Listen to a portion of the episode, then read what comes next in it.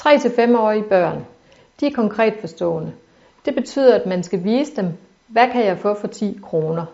Så man går i kiosken, eller man går i supermarkedet, og så siger barnet, jeg vil gerne have den slikkepind, og så kan det være, at barnet har 10 kroner, og så kan man vise, den her slikkepind koster 3 kroner, og den her koster 7 kroner, så de to ting kan du få for 10 kroner. For de 3-5-årige børn, der er det meget vigtigt, at man hjælper dem med at regulere følelser.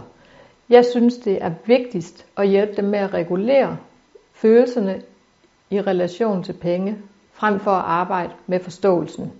Fordi børnene er lyststyret i den alder, så de har lyst til den her store pose slik, når de ser den i supermarkedet. Så der handler det lige så meget om at hjælpe dem med at styre deres lyst i den situation.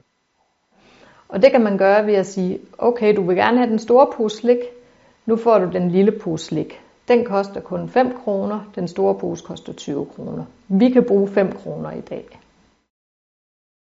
Det kan godt give en konflikt, at barnet vil protestere, fordi det er jo netop lige præcis, ah, jeg vil have det her slik. Og det, der er vigtigt her, det er jo lige præcis, at forældrene så hjælper barnet med at få beroliget sig selv ved at stå fast på sit nej.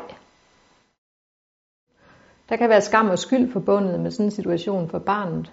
Barnet kan skamme sig, når det får et nej fra sine forældre.